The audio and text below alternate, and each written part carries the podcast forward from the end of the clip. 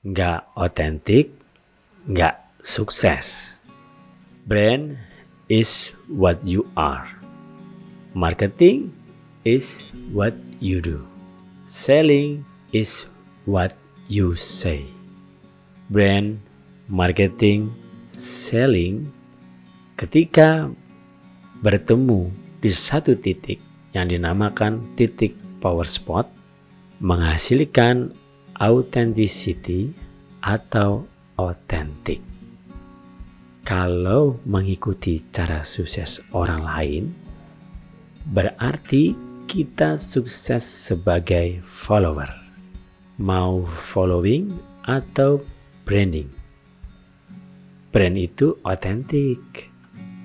Kalau nggak unik, otentik, bukan branding, tapi following.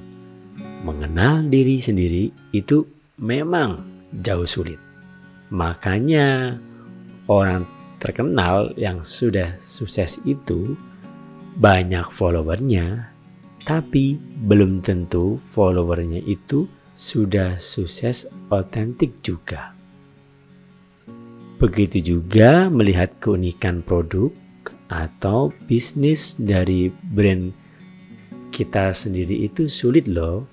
Hambatan pertamanya itu bukan ilmu, tapi diri sendiri dengan mental block. Salah satu cara mengatasi mental block itu dengan menjawab pertanyaan. What's holding you back?